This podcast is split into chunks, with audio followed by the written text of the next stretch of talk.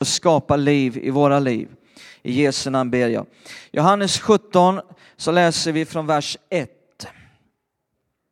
Sedan Jesus hade sagt detta såg han upp mot himlen och bad.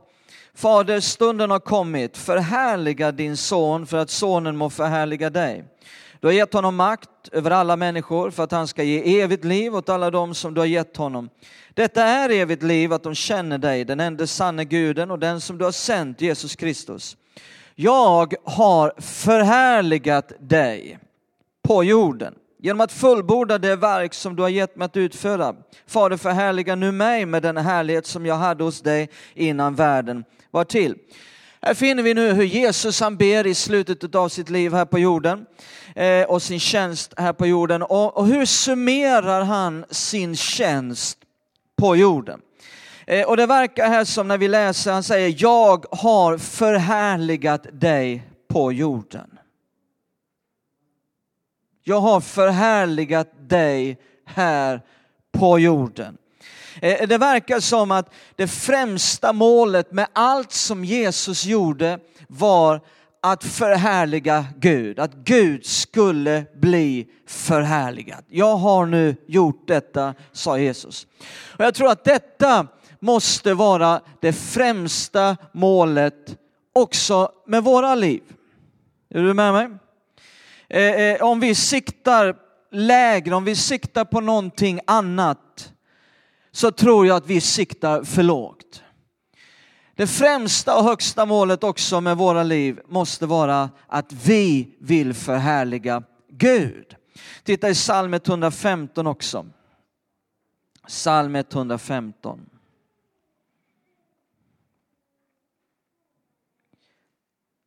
Psalm 115 ska vi läsa den första versen. Så ska vi utgå från de här två bibelställena. Psalm 115 och vers 1. Och då säger psalmisten, inte åt oss Herre, inte åt oss utan åt ditt namn ge äran för din nåds och din sannings skull. Så här ser vi hur psalmisten är helt upptagen med att Gud måste få all ära. Jesus är värd all ära. På grund av vem han är, på grund av vad han har gjort för oss, på grund av vad han gör för oss idag. Jag menar, vem skulle vilja ställa sig bredvid Jesus och säga Jesus, ge lite ära åt mig också. Inte jag i alla fall. Inte jag. Eh, när man förstår eh, hur mycket vi behöver Gud. Eh, nej, han är värd all ära. Och, och, min första punkt här nu är att, att vi verkligen bara ska förstå vad det är att förhärliga Gud. Om det här nu är vårt mål, det högsta målet eh, med våra liv, eh, vad är det då att förhärliga Gud? Jo, min punkt här säger va, att det är att vittna om hans härlighet. Att förhärliga Gud är att vittna om hans härlighet. Eh, titta i psalm 19, ska vi se en bra bibelställe för den här punkten. Psalm 19.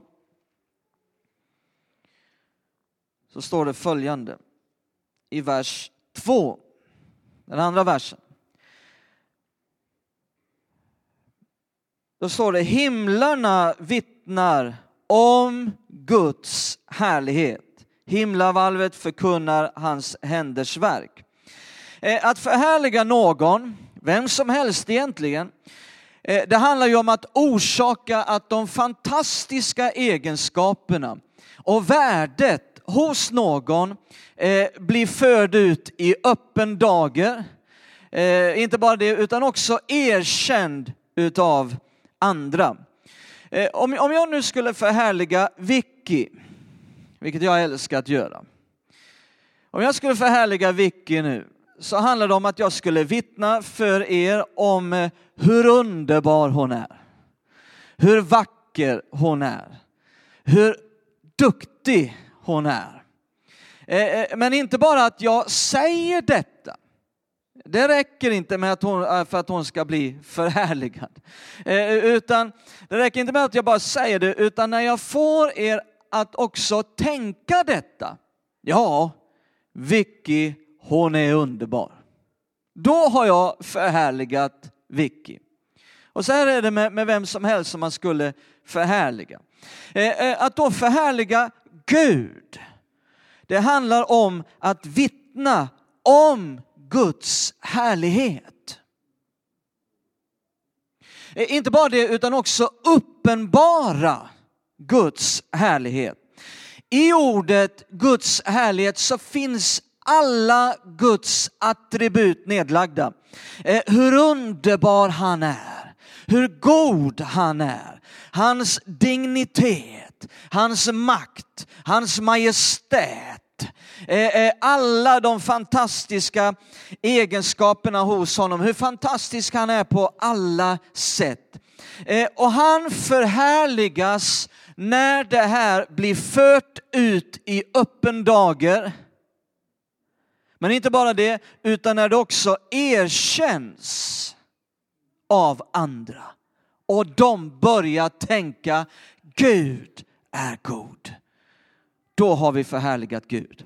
Är du med mig? Ehm, så detta är att förhärliga Gud. Här står det i den här versen att himlarna vittnar om Guds härlighet. Skapelsen, även fastän det här är en, en fallen skapelse, så finns det väldigt mycket kvar i skapelsen som vittnar om Guds härlighet. Eh, eh, jag kan, jag kan inte fatta hur, hur människor kan ha fått för sig att skapelsen är ett resultat av evolution. Jag kan inte för mitt liv fatta detta. Eh, eh, eh, när man ser en sån härlighet och en sån prakt som finns både i djurvärlden och, och, och växtriket. Jag vill bara titta på de här bilderna. Eh, eh, och Jesus han sa själv, se på fåglarna, sa Jesus. De bekymrar sig inte. Och mängder av folk trängs med kikare för att titta på alla de här arterna som kvittrar och är fyllda av härlighet och livsglädje och prakt. Eh, vi bara älskar att se på detta. Och, och, och Jesus han sa, se på liljorna. De bekymrar sig inte.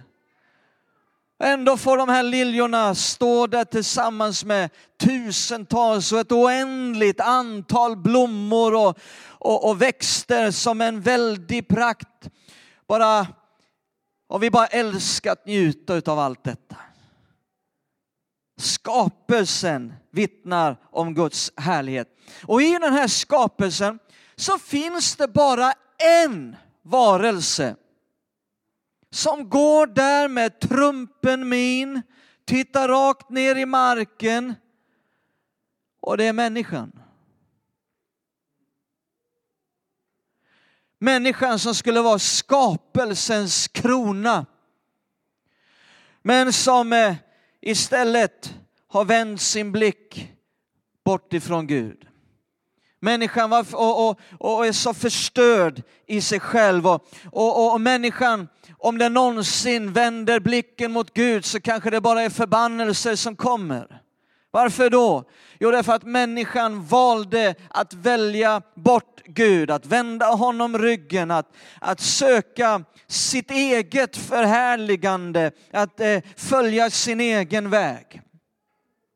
Och det är det här som är frälsningens stora mål det är att förvandla det här av synden tillfrusna människohjärtat så att det kan börja ge Gud ära och börja förhärliga honom.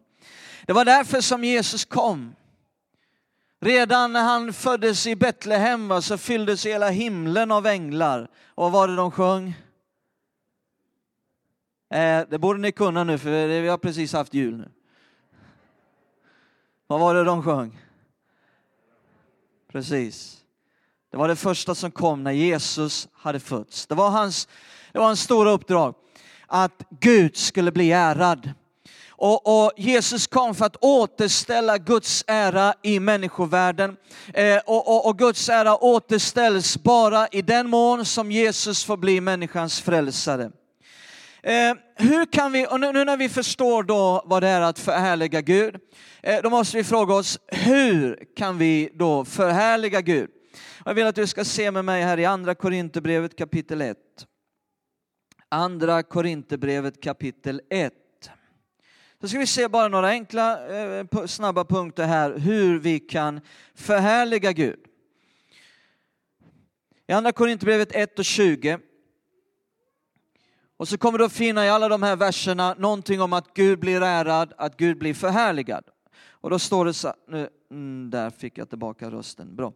Eh, andra Korinthierbrevet 1 och 20. Till, till alla Guds löften, alla Guds löften har i honom, Jesus, fått sitt ja. Därför får de också genom honom sitt amen. För att Gud ska bli ärad genom oss. Hallå? Eh, eh, så alla Guds löften har redan fått sitt ja och sitt amen genom Jesus. Eh, men när de sedan mottas av oss och verkas fram genom våra liv, det är då som Gud blir ärad. Hallå? Eh, det är väldigt bra att vi sjunger om Guds löften. Det kan vara bra till och med att vi ramar in Guds löften och glasar in dem och hänger upp dem på väggen. Men om vi inte upplever Guds löften eh, eh, så finns det en risk att om det bara blir det, att vi sjunger om dem och hänger upp dem på väggen, då finns det en risk att Gud aldrig blir ärad. Utan det är när vi prövar Guds löften och när vi mottar Guds löften och vi upplever Guds löften och de framverkas genom våra liv, det är då som Gud blir ärad. Eh, vi skulle kunna ta säkert många här bara i det här mötet och be någon att vittna om hur du blev frälst. Vad Gud gjorde i ditt liv när han förvandlade mörker till ljus. Om du skulle komma fram här och berätta det så skulle vi alla känna hur Gud blir ärad, hur Gud blir förhärligad. Hur hans kärlek och godhet blir förd ut i öppen dager och vi börjar erkänna att Gud är underbar. Eh, du vet, eh, eh, någon tog Guds löfte på allvar. Det blev framverkat genom den människans liv. Det kan vara en människa som har gått i många år med trumpen min och tittat rakt ner i backen och varit djupt nedsjunken i synd. Och livet var kaotiskt. Men människan tog Guds löfte om förlåtelse på allvar och blev frälst. Och fick en frid som övergår allt förstånd. Fick en glädje och en förnöjsamhet som alla människor runt omkring bara blev förvånade över. Eh, eh, som eh, började älska människor som de tidigare hade hatat. Fick ett arbete och de blev den bäste på hela jobbet. Den mest exemplariska arbetaren på hela arbetsplatsen. Fick ett, en bostad som var väl ordnad. Och då blir Gud förhärligad i allt detta. Och säkert finns det flera som kan vittna om sådana här dramatiska livsförvandlingar där man tog Guds löfte på allvar. Eh, och sen gör Jesus också väldigt klart att det finns ett speciellt löfte som verkligen förhärligar Gud när vi tar emot och det framverkas genom våra liv. Jesus sa, jag ska sända till er vad Fadern har utlovat. Ni skall bli beklädda med kraft från höjden. Halleluja. Och några för exakt 100 år sedan här i Skövde, de tog emot det här löftet. Och det är därför vi har en pingstkyrka här idag. Löftet om den helige ande. Kristna behöver ett dop i den helige ande. Eh, där förvandlas ett fjuttigt kristet liv till ett starkt, dynamiskt, rikt kristet liv. Eh, från att ha haft ett liv i mediokert, i myspys och ljumflum i Gråby så blir man en Guds äventyrare som förhärligar Gud. Ska vi se vad Jesus säger här i Johannes 16 och vers 14. Vad var det den helige ande skulle göra när han kom? Titta i Johannes 16 och vers 14. Johannes 16 och 14 så står det Han skall, den helige ande, han skall förhärliga mig. Vi talar om att förhärliga Gud och här är ett löfte som verkligen förhärligar Gud när vi tar emot och det framverkas genom våra liv. Han skall förhärliga mig, ty av det som är mitt skall han ta och förkunna för er. Där den helige ande verkar, där blir alltid Jesus stor. Ingen människa blir stor, det är Jesus som blir stor. Det är kännetecknet på när den helige ande är närvarande, när han verkar, när han manifesterar sin närvaro då blir Jesus stor. Och vi glömmer bort alla människonamn och bara känner Jesus är underbar. Det känner jag är främsta målet med att vi är här. Det känner jag är främsta målet med att den här församlingen är här att vi alla är här. Det är att Jesus ska bli förhärligad. Eh, hur mer kan vi förhärliga Gud? Jo, nästa punkt. Titta i psalm 50. Psalm 50, hur mer kan vi förhärliga Gud? Vi kan ta emot hans löften, uppleva dem. Men titta också i psalm 50. Finner vi ytterligare ett sätt. Psalm 50 och vers 23. Vers 23. Den som offrar lovets offer, kan jag säga offer? Ett lovets offer ärar mig. Den som ger akt på vägen ska låta se Guds frälsning. Så när vi offrar lovets offer så förhärligar vi Gud. När vi prisar Gud och lovar honom som har frälst oss, då vittnar vi om hans ärlighet, hur underbar han är. Och det här borde vara väldigt naturligt för oss att prisa Gud. Han som har gett oss så mycket löften. Hallå? Eh, och, och, och, det står på ett ställe att han födde oss upp ur dyn. Han ställde våra fötter på en evig klippa. Han la i vår mun en ny sång, en lovsång till vår Gud. Halleluja. En övernaturlig lovsång som alltid kan ljuda i alla omständigheter, i livets alla situationer. Ingenting tar det här ifrån oss. Ingenting kan stjäla det här ifrån oss. Den lovsång som Gud har lagt i våra munnar. Det borde vara väldigt naturligt för oss att bara prisa och lova Gud. Lika naturligt som det är för skapelsen att förhärliga Gud. Hela himlen förhärligar Gud. Skapelsen förhärligar Gud. Lika naturligt som det är för fåglarna att kvittra. Lika naturligt som det är för blomman att dofta. Lika naturligt som det är för skogen att susa. Lika naturligt som det är för vågorna att slå.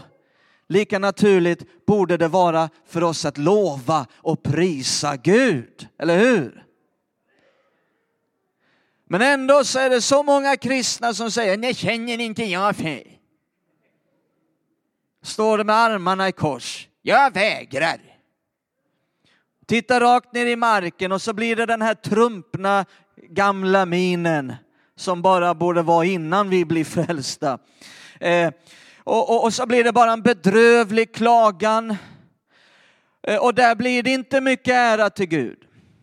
Och kommer andra människor i kontakt med det här och träffar på det här så kan de få uppfattningen att det är väldigt svårt och det är väldigt tungt att tjäna Gud. Och det är bäst att jag väntar med att bli frälst strax innan jag ska dö. Men har du någonsin gått fram till en fågel i en buske och sagt varför kvittrar inte du som alla andra fåglar? Och fågeln säger det känner inte jag för. Nej, de bara kvittrar. Det är så naturligt för dem. Va? Eh, så, och det borde vara lika naturligt för oss. Eh, titta här i vers 14 och 15 också i den här salmen, psalm 50, vers 14 och 15. Och då står det, nej, offra lovets offer åt Gud och infri, infria dina löften till den högste. Ropa till mig på, vad då? Nödens dag. Det är på den dagen man offrar lovets offer. Det är en sak att lova Gud, det är en annan sak när det blir ett offer. Det är inte alltid ett offer att lova Gud. När Gud välsignar dig och öste sina välsignelser över dig, ja men då är det inget offer, det är ju självklart. Men det är när nödens dag kommer, det är när prövningen är där, det är när stormarna blåser, det är när allting känns orättvist och du ändå offrar. Det, det, det, och du ändå lovar och tillber Gud. Så att det, det, det gör bara ont runt omkring och du ändå prisar Gud, det, då blir, det blir ett offer. När du inte känner för det, det är då du behöver göra det som mest. När du inte känner för det. Det förhärligar verkligen Gud när vi offrar lovets offer mitt i en prövning. När alla människor runt omkring, kanske människor som inte kallar sig för kristna, de ser vad du går igenom, de, de vet din prövning och de ser att ändå är du glad i Gud. Då förhärligar det Gud. Då, då, då vittnar det om din attityd som säger Gud är allt jag behöver. Vad som är, hur den är runt omkring. Jag har redan allt vad jag behöver. Jag har Gud. Och därför är jag nöjd. Amen. Det vittnar om Gud i ditt liv. Ditt hjärtas attityd. Och, och som säger, du är värd allt mitt lov, även hur det är runt omkring. När jag inte känner för det. Du är alltid värd att jag prisar dig, att jag lovar dig. Då blir det ett sant lovets offer. Hur mer kan vi förhärliga Gud? Nästa punkt, titta Johannes 21. Johannes 21.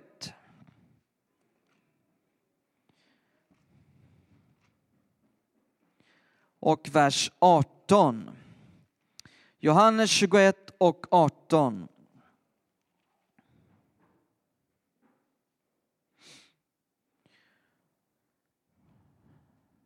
Och då säger Jesus till Petrus. Amen, amen säger jag dig. När du var yngre spände du själv bältet om dig och gick vart du ville. Men när du blir äldre ska du sträcka ut dina händer och en annan ska spänna bältet om dig och leda dig dit du inte vill. Detta sa han för att ge till känna med vilken död Petrus skulle förhärliga Gud. Wow! Sedan sa han till honom, följ mig. Detta sa han för att ge till känna vilken död Petrus skulle förhärliga Gud med. Vi kan ju inte hoppa över det här bibelstället nu när vi försöker hitta bibelställen där vi ska lära oss hur vi kan förhärliga Gud. För Jesus säger att Petrus skulle förhärliga Jesus genom sin död. Så vi kan förhärliga Gud genom död och lidande. Nu kände jag att det blev inga halleluja här idag. Ingen svingar sig kristallkronan här nu plötsligt. Men hur kan detta förhärliga Gud med död? Ja, kanske det är så här att detta mer än någonting annat vittnar om hur underbar Gud är. Under de första tre århundradena efter Jesus så var det massor av människor som blev frälsta när de såg de kristna utan att tveka gå i döden för sin tro på Jesus. Kejsarna på den här tiden de kunde välja den här strategin att när de ville utplåna de kristna så skapade de en lag som sa att de var tvungna att tillbe kejsaren eller de romerska gudarna. Och då var det mängder av kristna som gick martyrdöden till mötes och torterades och brändes. Och detta under det att de sjöng lovsånger till Gud. Medan de brändes till bål så var de bara fyllda av Guds härlighet. Medan de torterades så bara prisade de Gud. Och detta påverkade kanske mer än någonting annat. Massor av människor blev frälsta när de förstod att de kristnas Gud, han är verklig.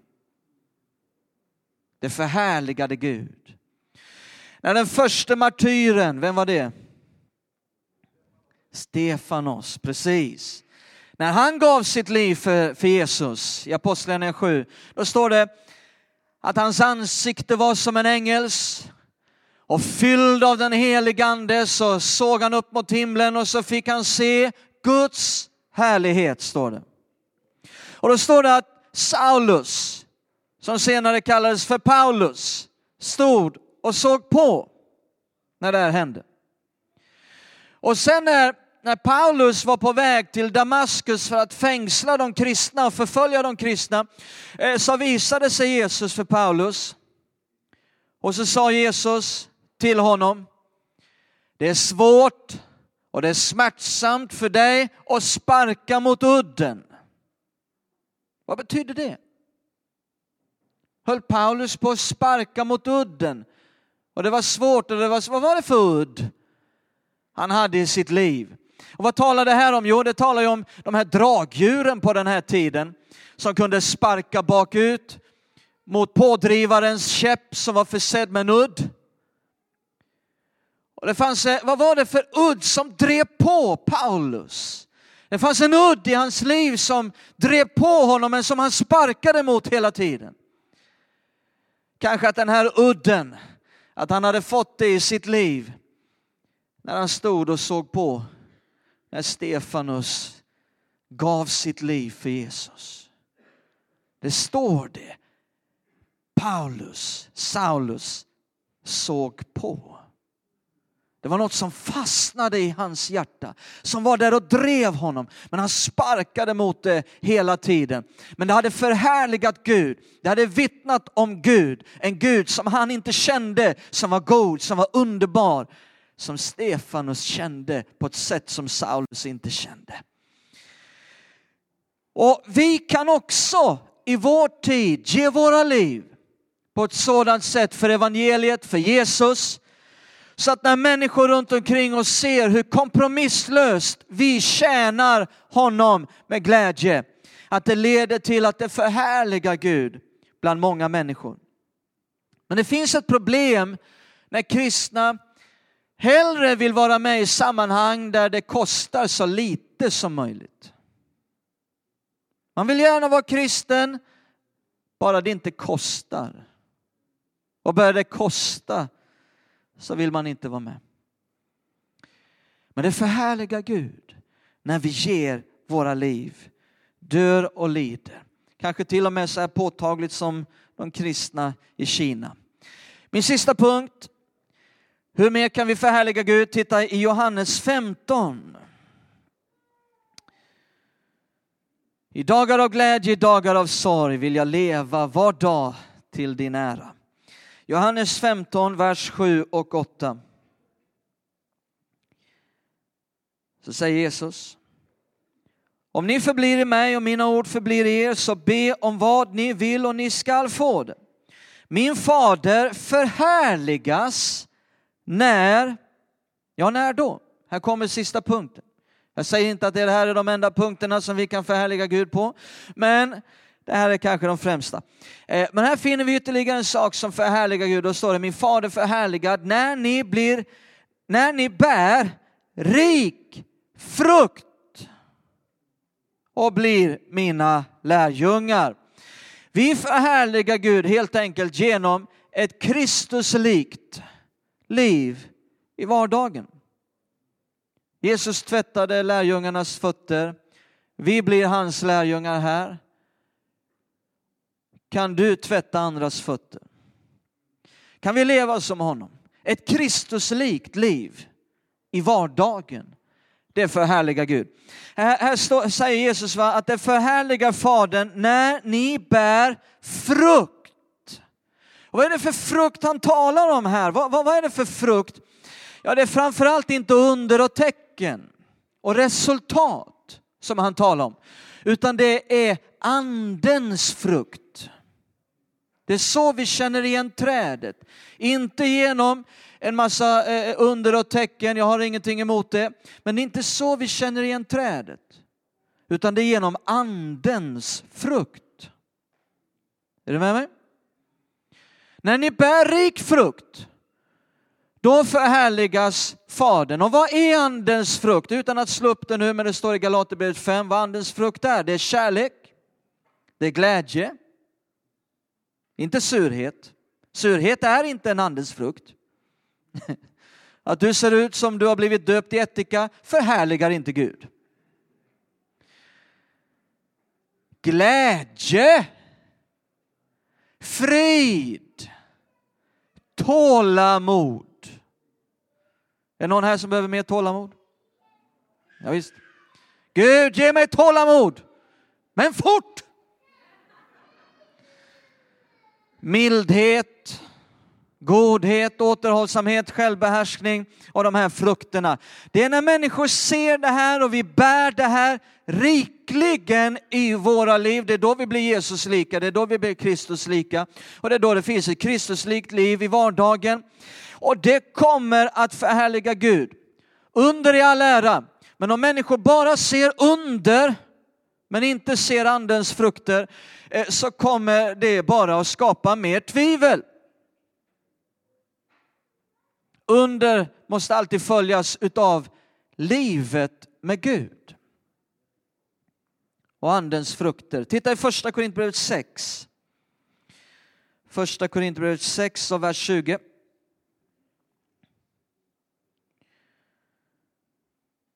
Paulus säger, ni har blivit köpt köpta och priset är betalt, så förhärliga då Gud i er kropp det här handlar om detta, förhärliga Gud. Vi ser hur det kommer hela tiden, det är det främsta och högsta målet för våra liv. Och det här, här bibelstället handlar precis om det vi talar om nu. Titta också i kapitel 10, det sista bibelstället vi tar. Kapitel 10, vers 31. Första Korinthierbrevet 10 och 31 står det. Om ni äter eller dricker eller vad ni än gör så gör allt till Guds ära. Allt, gör allt, gör allt till Guds ära. Så det måste vara det högsta och främsta målet i våra liv. När våra liv fylls av andens frukter så talar det om en Gud som har förvandlat våra liv och fört det upp på en himmelsk nivå. Är du med mig?